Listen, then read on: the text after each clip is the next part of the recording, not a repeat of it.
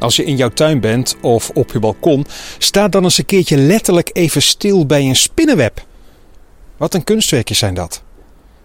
Van de week zag ik een spin zo'n web bouwen, heel kunstig gaat dat, maar wel in een rap tempo. Hallo, ik ben Remco van Schellen. Welkom in mijn stadstuintje ergens in Zeeland. Dat is de radiotuin. Ik ben altijd midden in de nacht wakker voor mijn ochtendprogramma op de radio. En afgelopen week, het was donker natuurlijk buiten, huis uit, naar de schuur lopen om de fiets te pakken. En flap, hoofd vol in een spinnenweb. Allemaal van die draden over mijn gezicht. Dat was natuurlijk even schrikken, maar er borrelden tegelijkertijd allemaal vragen bij me boven. Vaste natuurkenner en radiotuinbezoeker Erik Majeu, goedemorgen. Goedemorgen Remco. Ik vond dat zo zielig voor de spin dat ik zijn web kapot maakte. Ja, ze zijn er toch soms. Ja, een beetje een volwassen kruispin kan er een half uur tot een uur eh, over doen om zo'n web te maken. Bij de meeste kruispinnen geldt trouwens wel dat ze elke dag wel ongeveer een nieuw webbetje maken. Dus Oh. daar kunnen ze nog wel mee omgaan. Dus dan is het niet zo erg dat ik hem kapot maak. Uh, als die zijn doel een beetje heeft volbracht natuurlijk. Want het kost een hoop energie om zo'n web te maken. En uh, als zo'n zo'n web een, een handjevol uh, langpootmuggen en wat vliegjes heeft gevangen. Ja, dan is zo'n spin wel weer op krachten. Als die nou net af is en hij is kapot. Ja, dat was nou wel zonde van de energie. Het spinnenweb, hè, dat kennen we, dat, dat zijn allemaal van die draadjes. Waar dient dat voor? Ja, dat, dat is natuurlijk een machtig instrument wat ze bedacht hebben. En die komt trouwens in allerlei vormen voor. Hè. We hebben het wielweb, maar ook hangmatachtige dingetjes en kokers en uh, losse draadjes die gewoon maar een beetje willekeurig door de lucht lijken te hangen. Maar het is, uh, het is natuurlijk het, ultieme vangnet om uh, andere dieren te vangen. Om eten te vangen heeft zo'n spin een web gemaakt. Ze spinnen natuurlijk ook af en toe wel eens uh, hun eitjes in om dat uh, veilig te houden.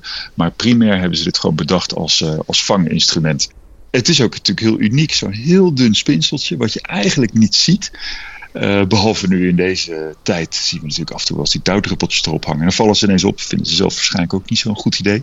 Maar verder, ja, argeloze vliegjes die raken zomaar verstrikt. En een spin heeft ook geen spijsverteringssystemen. Dus op het moment dat zo'n vliegje in een web hangt, wat die spin dan doet, is dan spuit hij daar natuurlijk zijn gif in.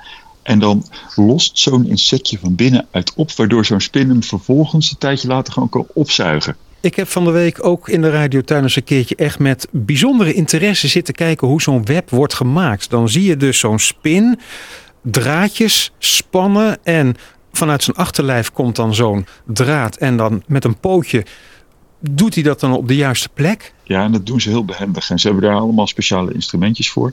Sowieso kunnen ze kiezen welke draadjes plakkerig zijn en welke draadjes niet. Daar kiezen ze heel zorgvuldig uit.